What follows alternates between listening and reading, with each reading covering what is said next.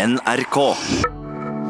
Du hører på Drivkraft på NRK P2, og jeg heter Vegard Larsen. Dagens gjest er eh, Norges kanskje fremste møbeldesigner. Han skal designe møbler til det nye Nasjonalgalleriet og det nye Munchmuseet. Og har eh, satt navnet sitt på alt fra sofaer og ulltepper til tannbørster og sengetøy. Samtidig så ønsker han at vi skal kjøpe oss langt færre ting. Dette er Drivkraft med Vegard Larsen i NRK P2. Andreas Engesvik, velkommen til Drivkraft. Tusen takk. Hvordan har du det? Bra. Ja, Jeg syns det, syns det går bra. i regnet. Ja, i regnet. Men eh, hvordan starter du morgenen din? Er du en frokostmann? Står du opp seks? Hva, hva? Jeg er veldig eh, treg om morgenen, altså. Eh, blitt, et, blitt et slags ufrivillig blitt et A-menneske, på en måte. Eh, jeg har en kjæreste som eh, er tidlig oppe. Men jeg starter jo dagen som de aller fleste, egentlig. Med tre barn så må man vel, blir man vel annet menneske. ja, det kan du si. Men eh, ja, nei, det er helt vanlig. Jeg lever jo et helt vanlig liv her i Oslo. Men hva spiser du til frokost? Hva har du spist Det i dag? varierer litt, altså. Det er en, en skive eller to, og av og til ingenting. Kaffe fra V60-en? Mye kaffe. Du, ehm, utenfor studio her vi sitter, så, så står det en sofa i venterommet. eh, som du satt i mens du venta på å komme inn her. Eh, den sofaen den heter Tiki. Eh, den modellen som står utenfor her, den er grønn. Det er en treseter med litt sånn bølgeforma ryggputer. Og det som er veldig morsomt, det er at det er din sofa. Ja. Det er du som har designa den. Og da du kom hit, så sa du sånn Oi, så morsomt! Og så så du på den, og så sa du Jeg tror puta ligger feil vei. Og så klarte du ikke å la være, men du var nødt til å snu puta. Ja, det var veldig, veldig triviell ting å gjøre. Jeg måtte gjøre det, altså. Men eh, det er veldig fint at den står her. Det er jo en produkt som jeg er veldig glad i. Og, ja.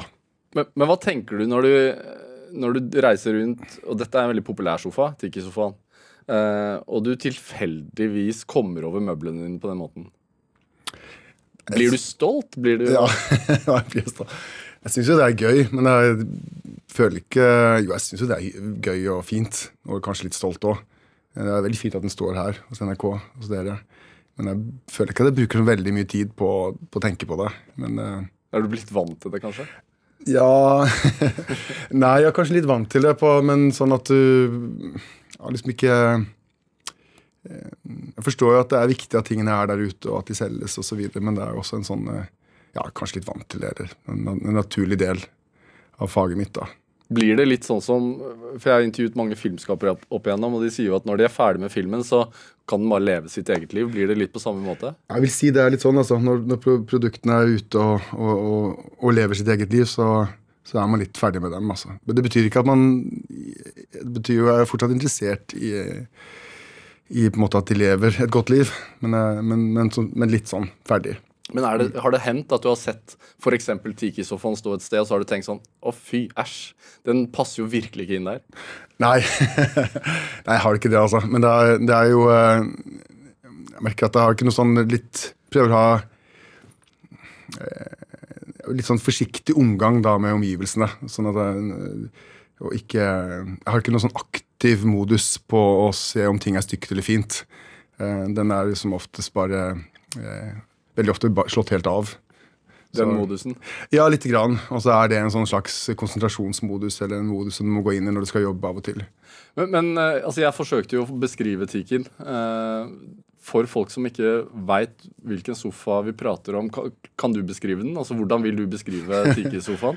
Jeg kan beskrive den. den er jo, eh, det kan bli veldig nerdete, da. Det er det eneste. Eh, Nei, ideen eh, Tiki er jo en, en ganske slank sofa. Med tynne volumer og tynne puter. Også, det vil si at den er godt konstruert. Den er også en veldig skandinavisk sofa, for du kan på en måte se hvordan den er satt sammen og hvordan den er lagd.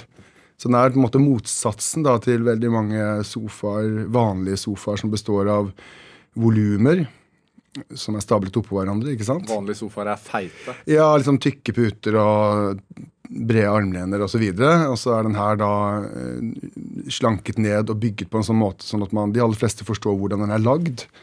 Eh, og så har den en veldig god komfort. da. Den er, eh, har en supergod komfort, og så har den et veldig fint sånn formtema med disse slagene som eh, man sier da. eh, på toppen av ryggstykken. da. Var det jeg kalte bølgeformen? Ja, bølgeform eh, funker fint. På Fagterminologien, i hvert fall i studio, så, så kaller vi det for slag. da. Ja. Hadde du noe hva, hva så du for deg da du tegna den? Den ble tegnet for syv eller åtte år siden. Det er jo egentlig, Når du jobber med sofaer, så er det jo det er en veldig sånn krevende eh, kategori. Det er en krevende eh, produkt å jobbe med. For den er stor, og du skal kunne ganske mange ting. Men eh, litt av tanken var vel også å finne et formotiv som, eh, som på en måte snakker litt til folk og til følelsene til folk. Og med formotiv så mener jeg da eh, denne bølgeformen som du akkurat snakket om. Da. Den er veldig sånn uh, gjenkjennbar og uh, noe som uh, gir assosiasjoner til veldig mange ulike ting. da. Og det er viktig. Det er det som skiller den ut. Også kanskje armlenene også, som er så tynne og rette. Ja, det, akkurat den bølgeformen på liksom, toppen gir den en veldig klar og tydelig silhuett. En visuell silhuett. Men jeg liker også den bølgeformen, for den gir, den, eh, gir også assosiasjoner da til eh, til eh, seil eller ting som er slitt, eller dørstokker, eller eh, ja, altså ting som er på en måte Det er veldig mange gode formassosiasjoner rundt akkurat den formen, tenker jeg. Og derfor så har den også blitt ganske populær. Ja, også Tiki-sofa er jo eh, et av få moderne norske møbler som, som beskrives som en norsk klassiker. Eh, Hvorfor har den fått den betegnelsen, tror du? Jeg sier det. det, er, det er, Men det er hyggelig veldig, ja, jeg jeg blir veldig glad for det. Det har vært et veldig viktig prosjekt for meg. Jeg traff jo eh, eh, Markus eh, som en av to eiere for Fogia for mange år siden. Altså produsenten. Ja, produsenten, ja. De er svenske eh, i Stockholm. Og vi spiste lunsj sammen. Og vi skulle egentlig tegne et pledd for dem, eller noe sånt. Og så fant jeg ut at uh, endte vi opp med å bli enige om at vi skulle tegne en sofa. Nei, men jeg tror den har uh, Det som jeg kan si, er at uh, et formtema, da Jeg må prøve å forenkle litt. Grann. Eh, en form snakker til ulike mennesker, ikke sant? Den har en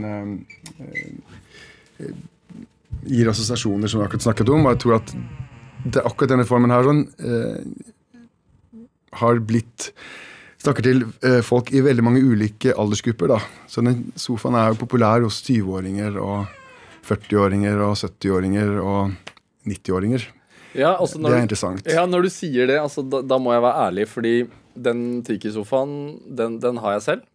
Um, Så bra. Ja, og, og, kona mi og jeg, vi hadde, vi hadde spart veldig lenge. Vi hadde, jeg tror vi hadde prøvesatt eh, Tiki-sofaen sånn ti ganger i butikken. Jeg tror de som eide butikken hvor den Tiki-sofaen sto her i Oslo, var ganske lei at vi kom innom.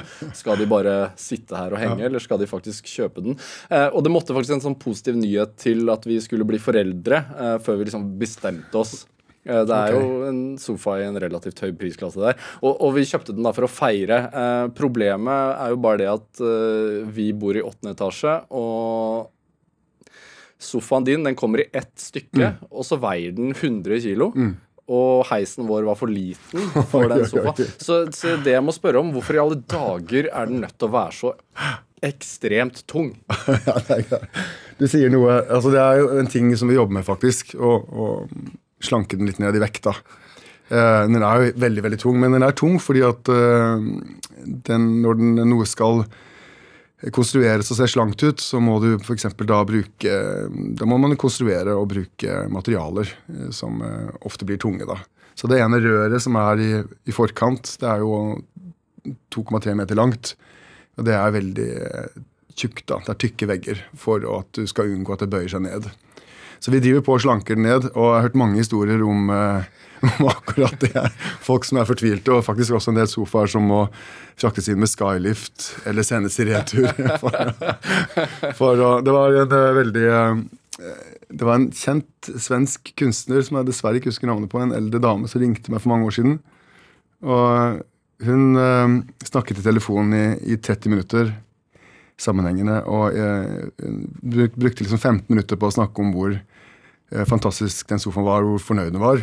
Og så brukte hun 15 minutter på å være forbanna på, på vekten og på Fogia. For at hun måtte ha skylift, og hun mente da at, eh, at dette var ikke hennes ansvar, osv.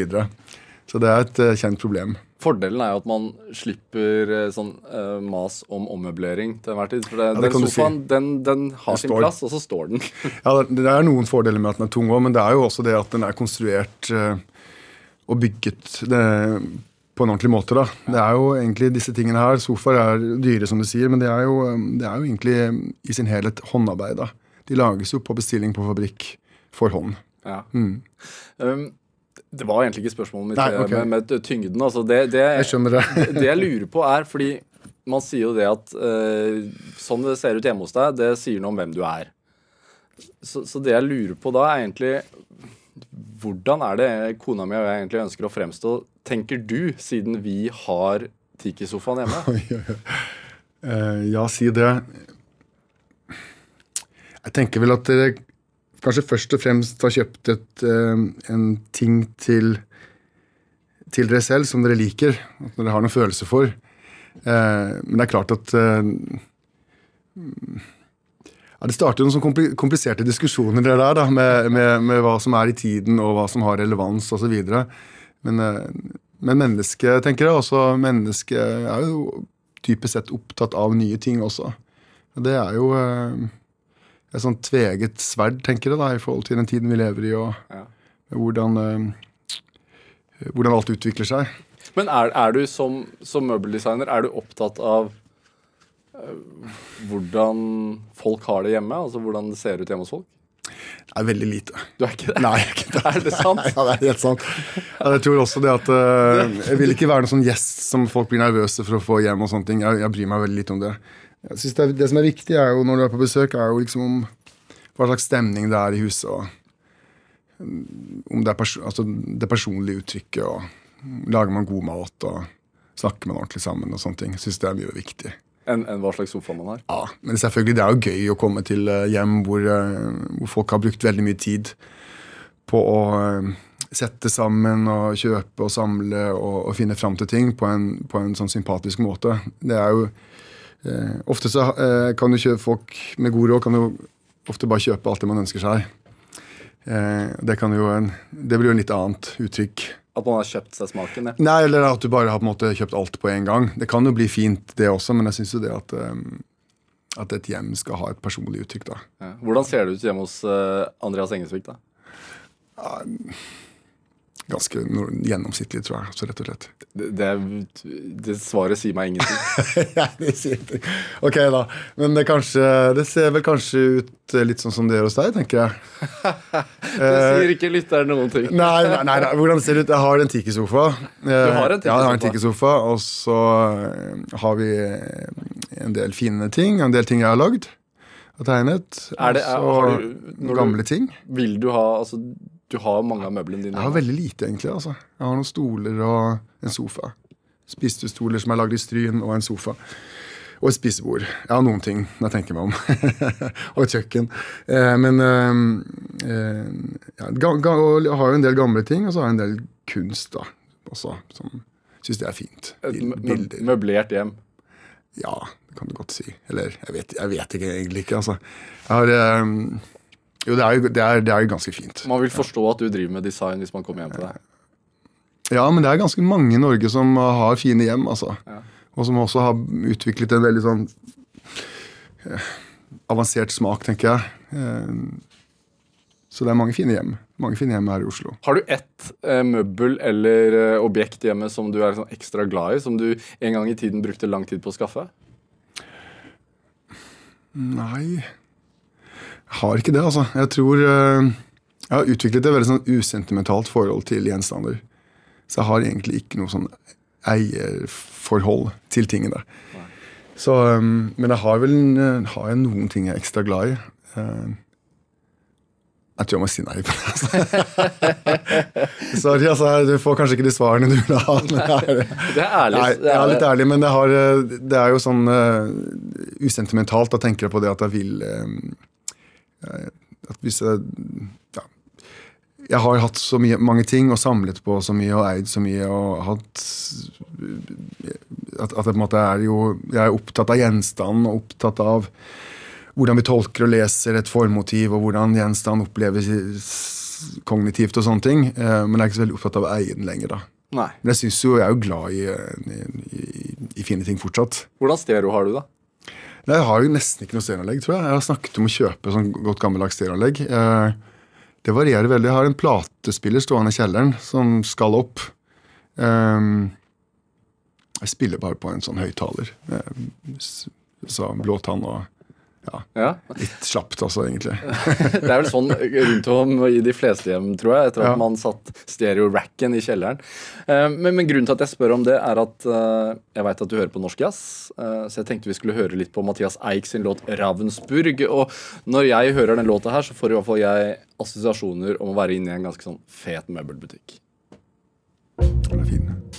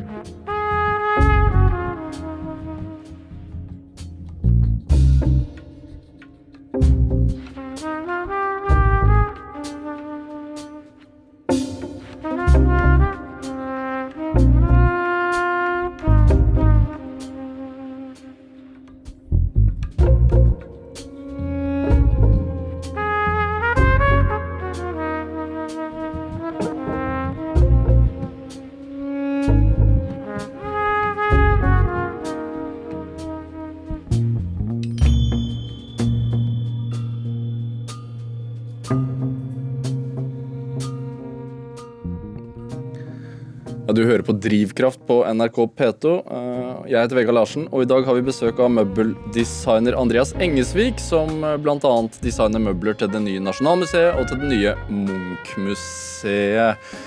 Og Andreas, eh, vi var jo litt innom at hjem kan si noe om hvem du er. Hvordan så det ut i barndomshjemmet ditt? Oi, barndomshjemmet mitt det var nok ganske gjennomsnittlig, tror jeg. Det var norsk 70-talls middelklasse. det var ikke noe eh, Det var helt vanlige ting. Men det var noen fine ting og, og noen gamle ting. Og så var min far var jo glad i, eh, i bilder og i kunst, så vi hadde litt av det, da. Men vanlig 70-talls middelklassehjem, går det an å beskrive det? Altså Er det uh, furupanel, eller hva er det vi snakker om? ja, det, det også. Nei, det var nok ikke så eh, veldig eh, Altså tepper og kanskje furupanel og en sofagruppe og en spisestue og en kjøkkeninnredning, en normal kjøkkeninnredning. Ja. Det var helt, eh, helt vanlig, tror jeg. Men, men hva er det du har med deg hjemmefra som har gjort deg kreativ, da, tror du? Ja, si det. Nei, men jeg tror vel kanskje altså min mor var jo er jo Eller har i hvert fall vært Altså vært kreativ hele livet. Og så tror jeg også at min far også har vært har hatt en kreativ side. da.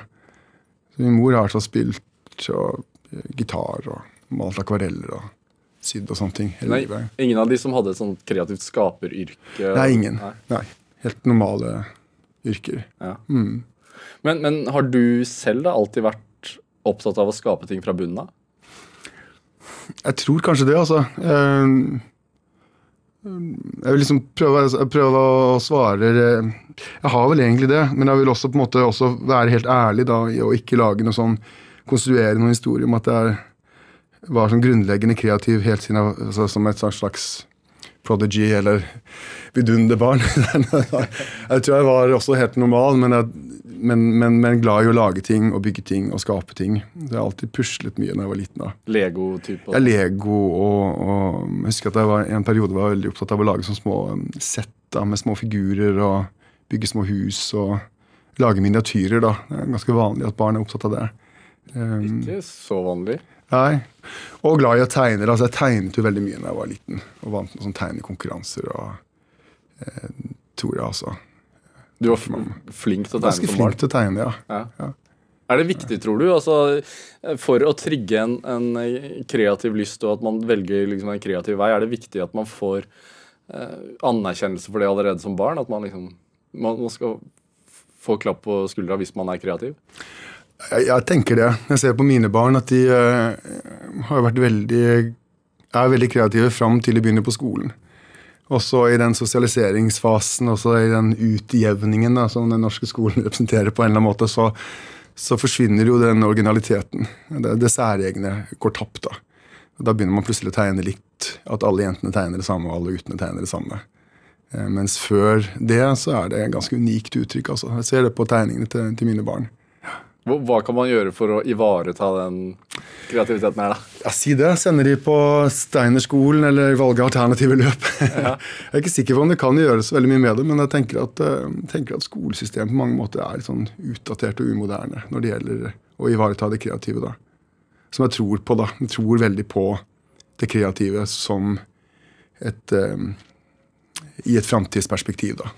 Tror jeg at eh, det, å, det kreative feltet kommer til å bli veldig avgjørende og vokse seg veldig stort på, på veldig mange ulike områder.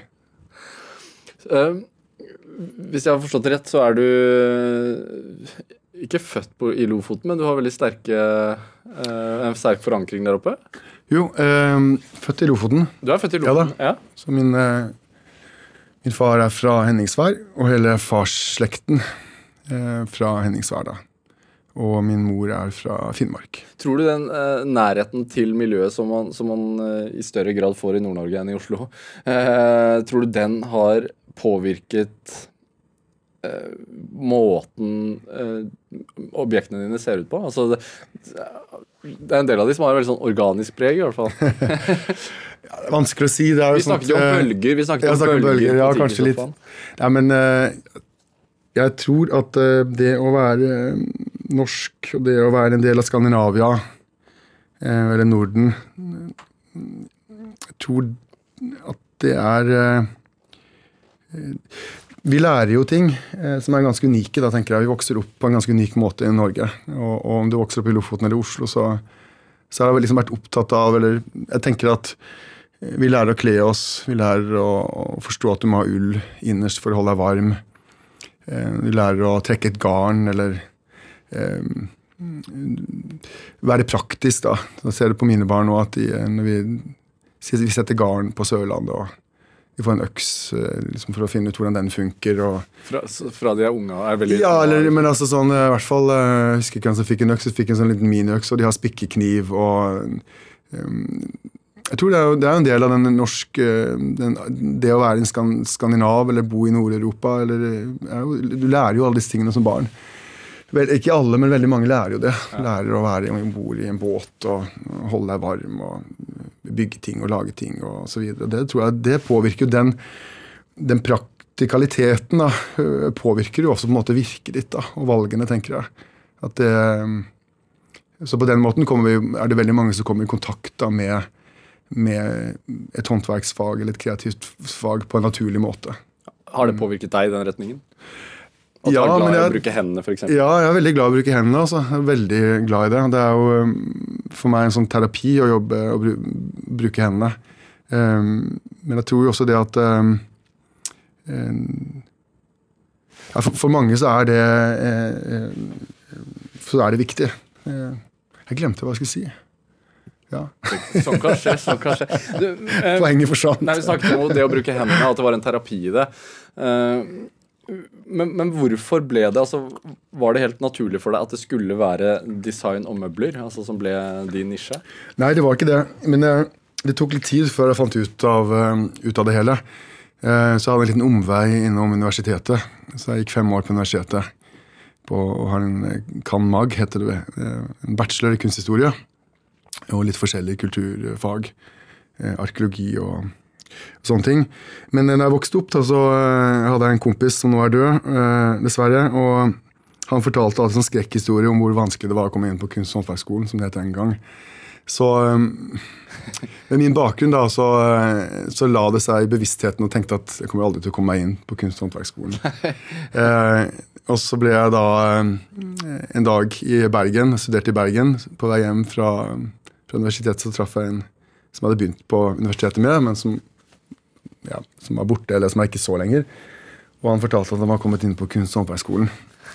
Da, på vei liksom fra butikken og hjem så bestemte meg for at jeg skulle søke. Da skulle du klare det også? Ja, ja litt, litt, sånn.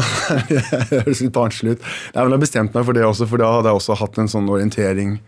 Eh, føler jeg også mot eh, Det ble mer og mer tydelig at jeg ville mot det praktiske. da, Eller mot, mot det å lage ting. Ja. Men, men Uh, for jeg kjenner en del møbeldesignere, eller iallfall folk som er utdannet til å bli møbeldesignere. Mm. Uh, men de, de, sliter fryktelig med å få jobb. Mm. Uh, hvordan var det for deg i starten? Var det rett inn i et stort firma? Eller? Nei, på ingen måte. Jeg startet firma for meg selv med en gang i Bergen. uten å ha noe som helst. og så var jeg også med å starte et prosjekt som var et utstillingsprosjekt. hvor vi var noen stykker som dro til Milano og stilte ut noen ting Litt for å finne et annet marked, og for å se om eh, fordi at vi så det at hvis vi skulle, å være, å være, i Norge det kom til å ta veldig lang tid hvis vi bare skal sitte her og vente på en åpning hos noen. Fordi det er så lite industri i Norge. Så eh, det, det, tar, det er et veldig veldig vanskelig fag å, å etablere seg i. Hvordan kom du gjennom nåløyet? da? Hva var Det som var... Det er jo eh, det er god gammeldags vilje, da, og, tenker jeg. Du må jo ha holdt på i veldig veldig mange år. Og så på et, et, eller annet tidspunkt som har holdt på så lenge at det er det, det eneste man kan også. Så eh, nei, men det er, jeg syns jo det var veldig fint. Og mm, når jeg bestemte meg for å dra til utlandet, så var jo det en viktig del. Og da ble det også tydelig at det fins for, for, å jobbe, for å jobbe og bo i Norge, da f.eks., så, så må du jobbe internasjonalt. Fordi det er så lite industri eh, igjen i Norge. Og så er det jo det er jo noen problemer knyttet til dette her òg. fordi at det har jo Designfaget i Norge er jo veldig sånn ungt og litt sånn svakt utviklet. Vi har jo um, ingen Altså svake fagorganisasjoner og veldig lite industri. Og eh, ikke noe særlig, altså ikke noen sånn stipendordninger osv. Så, videre. så det blir, det blir, vanskelig. Det er en lang etableringstid. da. Det er veldig få som greier, greier å etablere seg, dessverre. Langt svar. Det er veldig fint svar. Um, jeg kan snakke lenge om dette her, altså. um, bare minne lytterne på at de hører på Drivkraft på NRK P2, og at vi har uh, møbeldesigner Andreas Engelsvik i studio.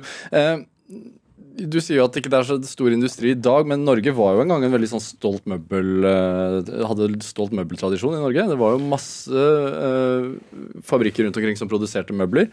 Uh, hva var det som skjedde? Ja, hva var det som skjedde? Det er jo Jeg tror dette knytter seg litt til oljenæringen.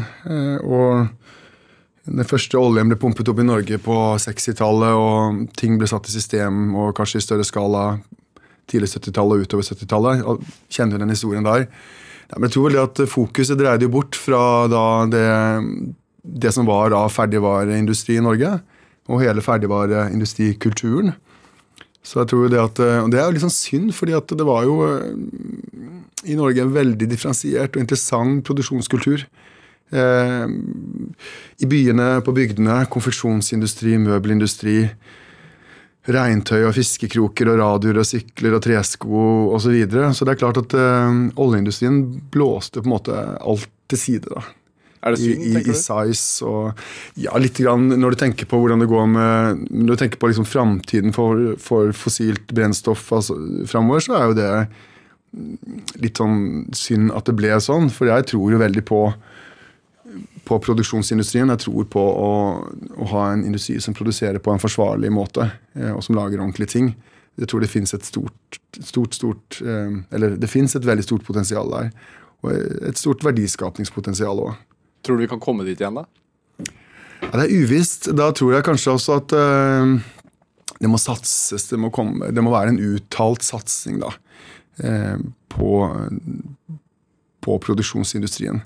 Eh, jeg tenker at eh, jeg håper at det kan skje, og jeg har også jobbet veldig mye med, med småindustri i Norge. Eh, og av og til nesten på idealistisk eller dugnadsbasis, fordi at jeg mener at det er viktig å være med å holde norsk industri eller, og produksjonskultur i live. Så jeg håper virkelig det, at de som er igjen, overlever, og så håper jeg at vi får et tilfang av, av ny industri også.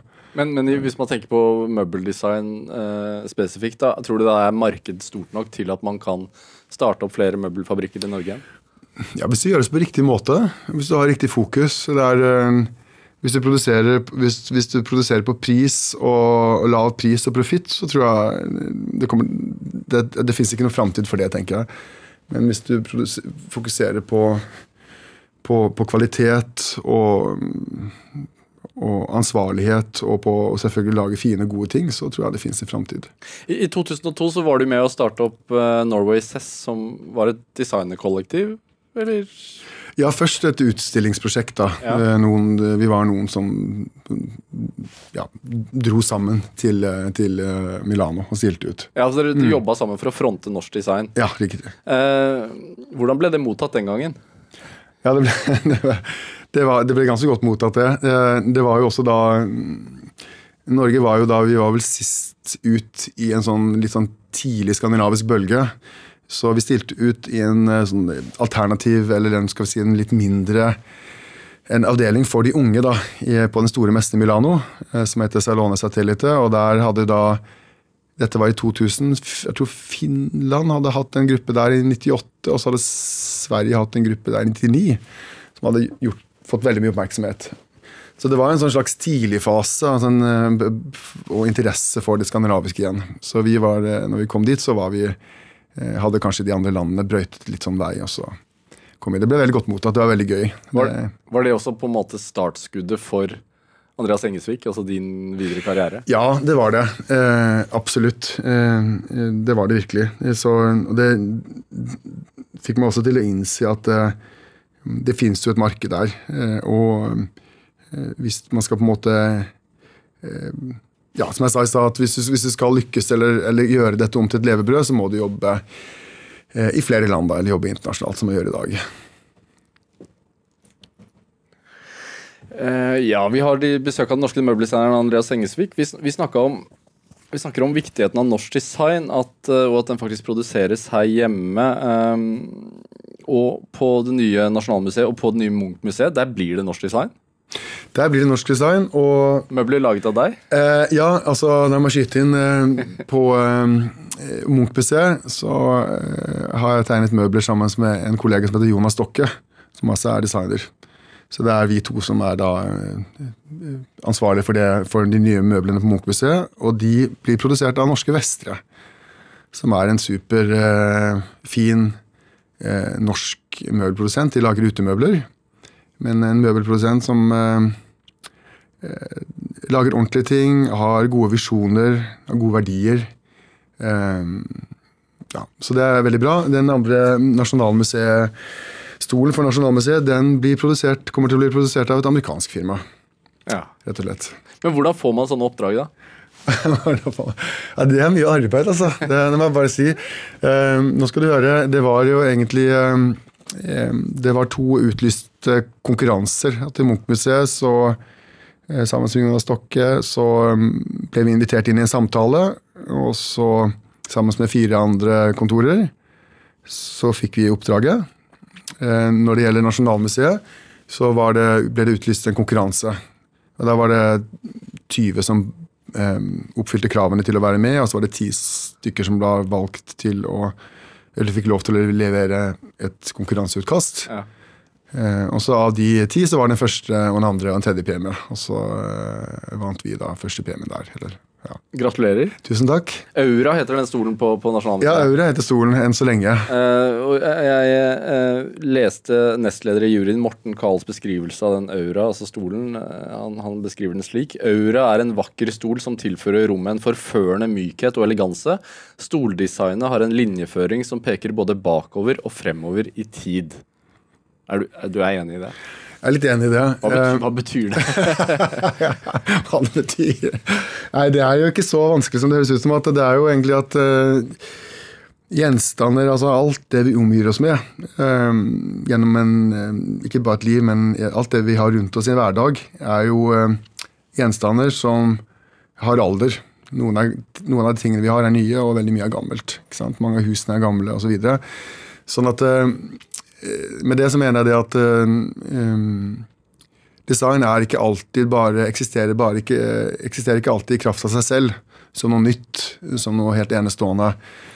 Eh, som, ikke som, er, eh, som kanskje ikke ligner på noe osv. Altså, objektene er aldri løs, løsrevet tid. da. Nei, du prater med noe Ja, du vil alltid tidligere. være en eller annen kobling til tid. Og, og, dette objektet her, eller denne stolen, da, aura, den er da koblet som typologi Nå blir det veldig nerdete, men som type så er den koblet til noe fortidig.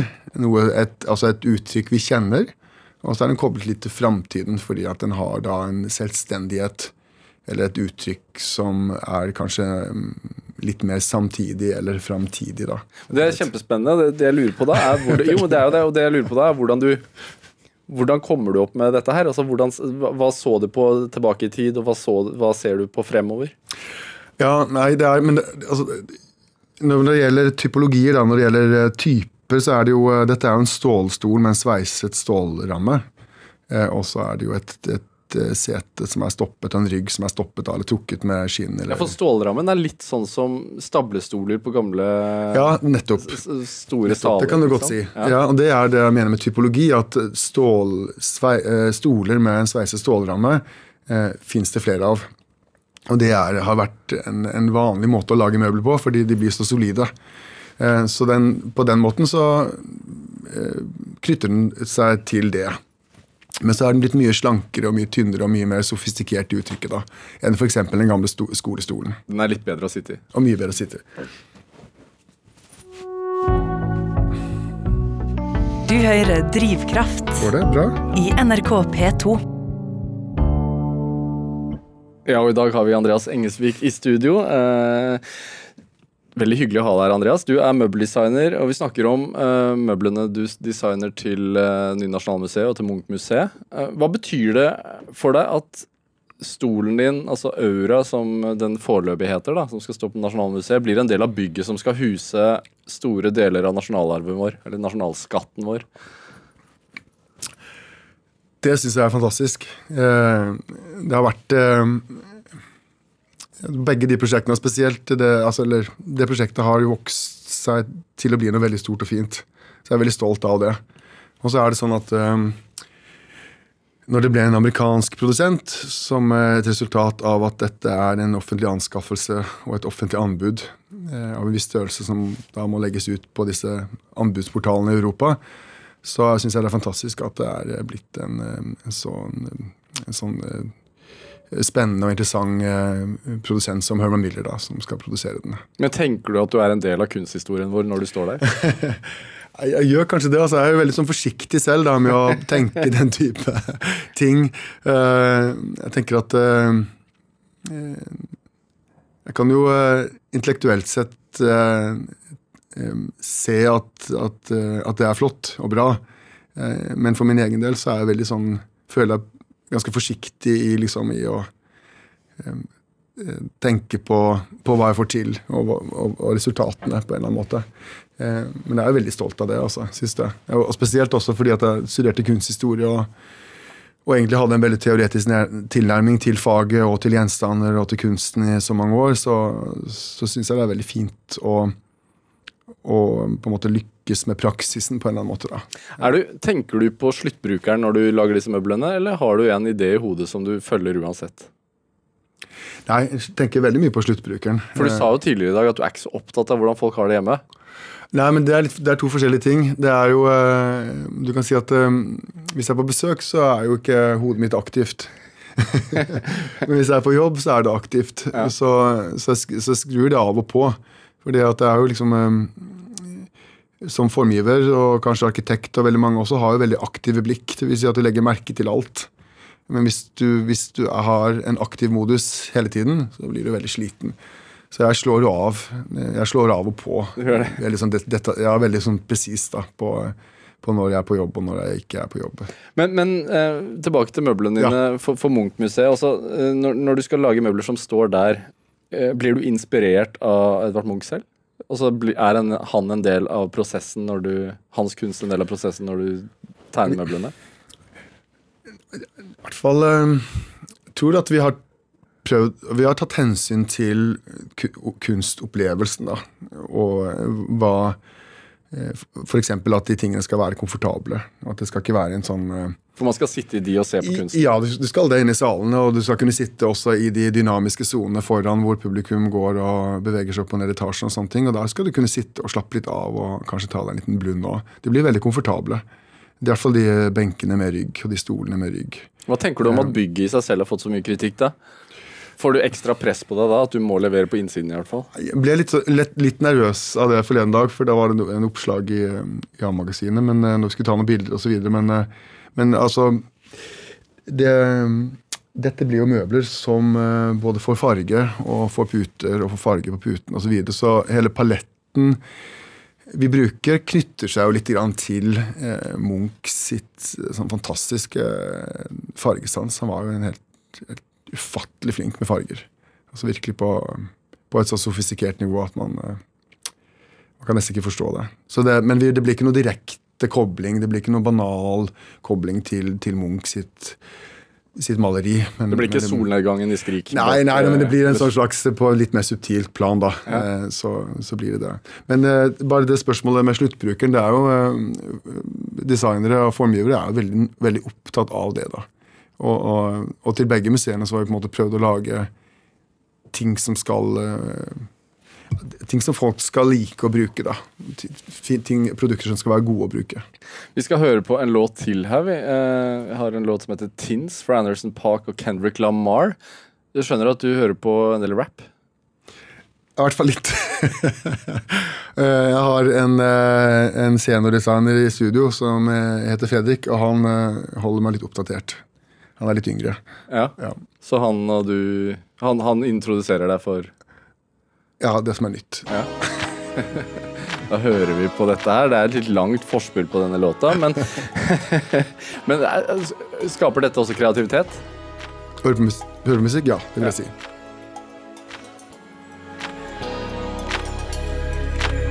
I've been feeling kinda cooped up, cooped up. I'm trying to get some fresh air. Hey, why you got the roof out, roof out? You know it never rains here. Hey, you ain't got a flash when you're taking your picture. You ain't gotta draw no extra attention. Paparazzi wanna shoot ya, shoot ya. Niggas dying for less out here. I've been in my bag anyway, trying to throw a bag in the safe. You can turn raising base. Baby, man, I want some baby names. Niggas crying for less out here. In my mirror. I can't be riding round and that open strip. I need tents, windows, I need tents, windows tint. I can't be flying down that one tent bad bitch in my whip. I need tents, windows tint. I need tents, windows tint, and it's no good for me. It's so good for them. I need tents, windows tint. I need tents, windows tint. I got way too much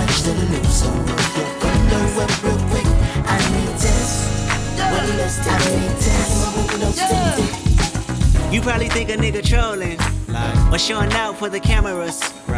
Fuck, I'm doing fish bowling. 100,000 on the passenger. Bitch, I'm Kendrick Lamar. Respect me from afar. I was made in this image. You call me a god. Everybody in attendance. I'm about to perform. Everybody get offended by the shit I got on. Like, can you buy that nigga 900 horse? Can you drive that nigga a G5? Can you fly that nigga? I need 10 so I can look at the snakes and poses. I need 10. Cause bomb head is non-disclosure. I need 10. So I can live with a peace of mind without niggas taking a piece of mine and peace be still and not do fine. So fuck a fix it ticket. You pull me over and might see one of your bitches. Round round. I need tents, windows. I need tents, windows tint. I can't be flying down that one with a bad in my whip. I need tents, windows tint. I need tents, windows tint, and it's no good for me. It's so good for them. I need tents, windows tint.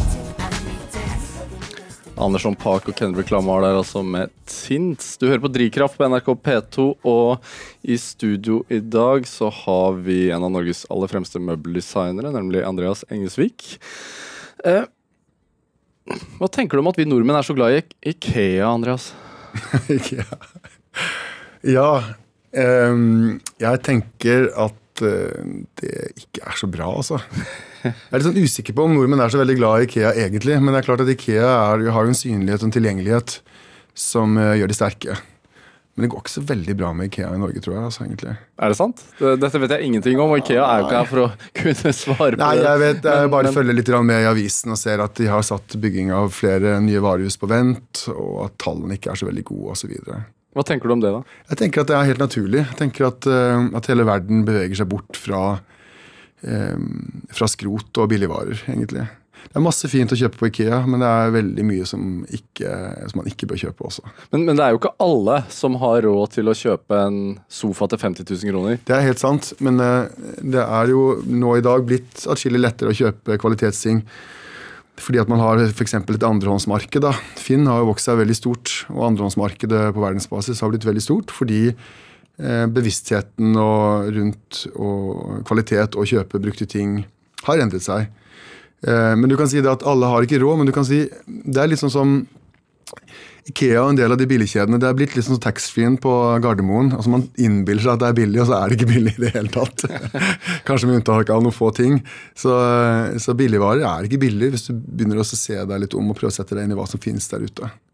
Men det er klart at det er eh, Og så syns jeg også det er veldig viktig at du alle kan jo eh, alle kan ikke kjøpe en sofa til 50 000, men, men eh, det fins jo eh, det fins jo eh, ting som vil koste litt, som kanskje litt midt imellom, eller som er brukt. eh, eller man kan f.eks. også spare, da.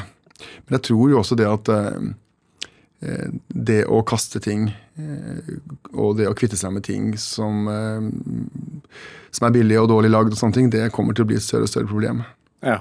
Hvor lenge syns du man skal vente før man bytter ut møblene sine? da?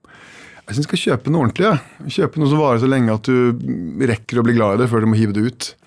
Eh, og, og at du på en måte eh, rekker å utvikle en følelse for, for gjenstanden.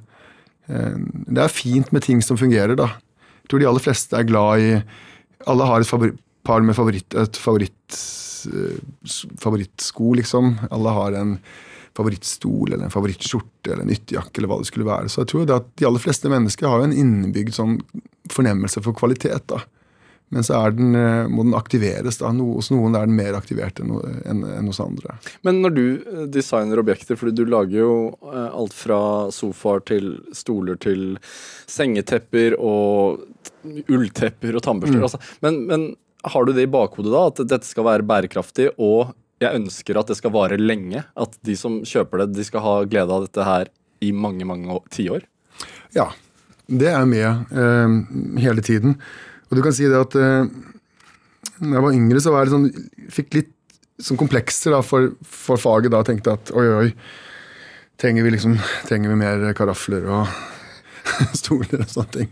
Og så ser jeg nå at uh, jeg har blitt eldre og jobbet, at uh, det samfunnsnytteaspektet er veldig stort, og at formgivere og designere også har et stort ansvar til å, å, å være etterrettelig, da. Ha, og, og være tydelige i forhold til de partnerne eller samarbeidspartnerne man har. eh, om at eh, vi skal lage ting som varer, vi skal lage ordentlige ting.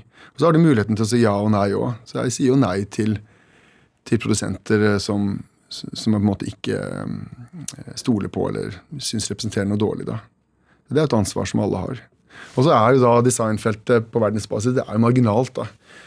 Eh, alt det som kommer fra designfeltet sammenlignet med alt det som produseres eh, av billigvarer, så er det mm, vel, det, er bare en bitte, bitte liten flik av alle de gjens, de- de- gjenstand Alt det som kommer f.eks. til Europa fra Asia, Øst- og Vest- Vest-Asia. Så er design eh, på sitt beste er jo eh, er noe som varer, og, og så fins det eksempler på ting som ikke varer. Kunne du valgt en annen vei og designet møbler for en billig billigkjede? Nei. Det har jeg sagt nei til mange ganger. Og hvorfor det? På, på grunn av det vi Det er snakker om nå? uansvarlig. Ja. Det er klart at de vil, eh, de vil gjerne kjøpe eller skaffe, De vil jo gjerne ha noe av, av den kunnskapen som, som designere besitter. da, Og den fornemmelsen for, for tid eller framtid eller hva det skulle være, eller kvalitet. Den, den er interessant. Eh, Men eh, det er jo veldig mange som sier nei òg, til å samarbeide. Alt kan ikke kjøpes lenger. Det syns jeg er fint. Men, men eh, hvilke gamle ting har du, da, som du ikke vil kvitte deg med? Ja, jeg har en gammel bil. Det er det eneste som jeg kanskje vil eh, Jeg har en gammel sykkel òg, faktisk. Jeg har jo eh, Jeg konsumerer jo veldig lite selv, da. Så jeg har, eh, jeg har en gammel sykkel som jeg fikk av en dame for nesten 30 år siden. En herresykkel, en DBS-sykkel fra 1945. Eh, og så har jeg en gammel eh, bil fra 70-tallet. Blir man glad i objekter? Ja, den type ting kan man nok bli veldig glad i. Eh, jeg liker ting Jeg liker den eh, liker jo det sånn evighetsaspektet i at noen ting varer. Den gamle bilen som jeg driver på og skrur på, er jo fantastisk byggekvalitet. Altså Alle komponentene og måten den er laget på, den er jo liksom Det er ordentlig, liksom. Ja, For når jeg ser på Instagram, uh, Instagrammen din, uh, så legger du ut masse bilder av dine egne møbler, men også andre ting. Og, og, og jeg får en uh, opplevelse av at du er ganske sånn nostalgisk av det. Ja, Det stemmer nok, det, altså. Men jeg tror også at eh, Det er mye bilder av gamle filmhelter, helst i svart-hvitt. Det er mye romantikk. eh, Det er mye eh, bilmodeller som ikke produseres mer, og, og møbler fra fordums storhet. Ja, det Altså. kan du godt si. Det er, eh, men det har på en måte ikke vært eh, Jeg er ikke redd for fortiden. Jeg er ikke redd for det gamle. Men jeg tenker også det at jeg må jo også passe på at man ikke i, i, i, liksom, i uttrykket og mediet parafraserer eh, eh, liksom fortid, men at man lager nye ting. Det syns jeg er veldig viktig. Eh, men av og til så er det vel synlige spor av tid, og det har vel også litt med kunsthistoriebakgrunnen min å gjøre òg. Men jeg syns jo at eh, jeg har hatt en del workshops i eh, Jeg var gjesteprofessor på Konstfakk i Stockholm en periode, og så har jeg hatt noen workshops i, i Frankrike og i Sveits og sånne ting. Og da har egentlig temaet vært fortid og nåtid, da. Eller framtid. Prøve å få eh, folk til å orientere seg og forstå at vi lever i et gjenstandsfelt som består av gamle og nye ting. Et aktivt gjenstandsfelt. Har du, altså, dette programmet heter jo Drivkraft, så, så jeg må jo spørre om det. Altså, hva er din drivkraft eh, i hverdagen i forhold til yrket ditt? Altså, har du en drivkraft? Jeg tenker at jeg har det. Eh, Jeg føler meg veldig heldig da, når jeg går på jobb hver dag. Og syns at jeg har laget et eh, godt liv til meg selv og en fin arbeidsplass. Eh, Og så får jeg reist litt, og så kan jeg jobbe med interessante prosjekter og jobbe med hyggelige folk. Så jeg har kommet til et punkt i, i livet eller karrieren også hvor man har muligheten til å si nei til ting man ikke har lyst til å gjøre. Og, og si ja til ting man har lyst til å gjøre, eller stille kontrollspørsmål og de tingene der.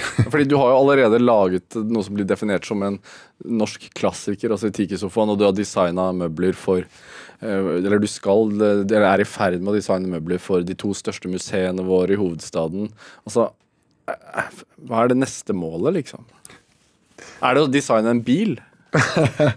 Ja, det, eh, det er veldig gøy. Det er dessverre altfor spesialisert, da, tror jeg. Men eh, jeg har, litt lyst til å tegne en båt, altså.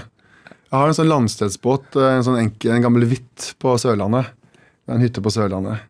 Så, eh, så jeg har sett nå I mange år så har jeg sittet og sett på hva som finnes av båter, så jeg har egentlig lyst til å tegne en sånn tegne en landstedsbåt som ikke er for stor. Ikke Ja. Som er praktisk. Når, du, altså, når du har designet så mange eh, forskjellige typer objekter, altså tannbørster, ulltepper, sengetøy, eh, masse møbler, altså, kan det også være en fare For du setter jo navnet ditt på dette her. Kan det være en fare for å bli for eksponert? Ja, det kan det være. Eh, Det gjelder vel også veldig mange ulike fag også, men eh, jeg tenker som så at jeg er ganske nøye med, å, med akkurat de tingene der. Og eh, i Norge, når det gjelder kunder i Norge, så prøver jeg på en måte å si, være åpen og si ja til, til flere, fordi at jeg syns det er viktig å slå et slag for norsk ferdigvareindustri osv. Men, men jeg prøver måte å være ganske nøye og selektiv hvem, hvem jeg samarbeider med. Men jeg synes at det er, hvis, vi har, hvis det finnes en visjon eller et At man leter etter en kvalitet, eller at det er noe som er viktig, det syns jeg er, kan, er avgjørende for om man skal sette navn på ting eller ei. da. For du er, du er jo ditt eget brand, på et vis. Ja, du tenker det? Kanskje det. Jeg har hatt kunder også som eh, har ledd og ikke forstått når jeg har på en måte sagt at hvis ikke altså ting skal jo, Når man er formgiver, så er det veldig viktig at ting blir godkjent. da. Eh, og veldig ofte så Eller det er veldig mange kunder som på en måte gjerne mener Som gjerne vil gjøre det som, på den måten de mener er best. da. Og ikke høre på deg. Ja, eller høre, eller, det, det, altså, det er jo et problem i, i fagfeltet at de vil ikke høre på designeren. Og da er det sånn at da jeg hadde, en, eh, jeg hadde noen kunder som måtte, hvis man sier at ja, men da får du ikke lov til å bruke navn eller sette navn på det, så ler de, for de skjønner ikke. Er, liksom, er du seriøs? Det er alle, tenker at alle ønsker det, men alle ønsker ikke det. Um, Andreas Engesvik, helt mot slutten her. Altså, hvordan vil du beskrive et godt rom? Hva er et godt rom for deg? Altså, hvor, hvor finner du sjelefred? Hvor, hvor drar du da? Sjelefred. eller på rom? ferie eller eller rom? inspirasjon? Eller det gode rommet ditt? Hvor er det? Altså Som rom i, i, også sånn i overført betydning? Altså sånn sted, eller nei? Er det ute i naturen? Er det innendørs? rom, ja. ehm, jeg tror kanskje det er ute, altså. Liker å være ute. Liker å være ute om sommeren. Et spesielt sted, eller? Ja, vi har, ja, ja, altså, vi har vært så heldige at vi har arbeidet et lite sted på Sørlandet. Det er, eh, det er veldig enkelt. Der kan du gå barfot i fem uker. Helt til slutt der, Andreas. Vi nærmer oss timen. Hvis eh, den som lytter på skal investere i ett designobjekt som ikke du har produsert, da, eh, som du tenker at den kommer til å bli glad i, hva, hva syns du den personen skal kjøpe da? Oi, hva skal man kjøpe da? Kort her, altså. Veldig dårlig på å svare på sånne ting. Så det, ok, um, kjøp en um, jeg, har, jeg, har ikke noe, jeg har ingenting. Du har ingenting? Nei, det er det når, det har liksom Av dine egne, da? Uh, nei, ja, nei uh, Nei, kjøp en tannbørste. Kjøpe tannbørste? ja, den får man i hvert fall bruk for. Ja da, og den er fin òg. Yes, Da vil jeg bare si eh, tusen takk ja, til eh, deg, Andreas Engesvik, for at du kom hit til Drivkraft. Eh, og i morgen så kommer eh, kokebokforfatter Hanna Lena Dahlgren hit til eh, oss. Hun sluttet i drømmejobben i Google hun, for å fokusere på å få folk til å spise mer vegansk. Ha det bra.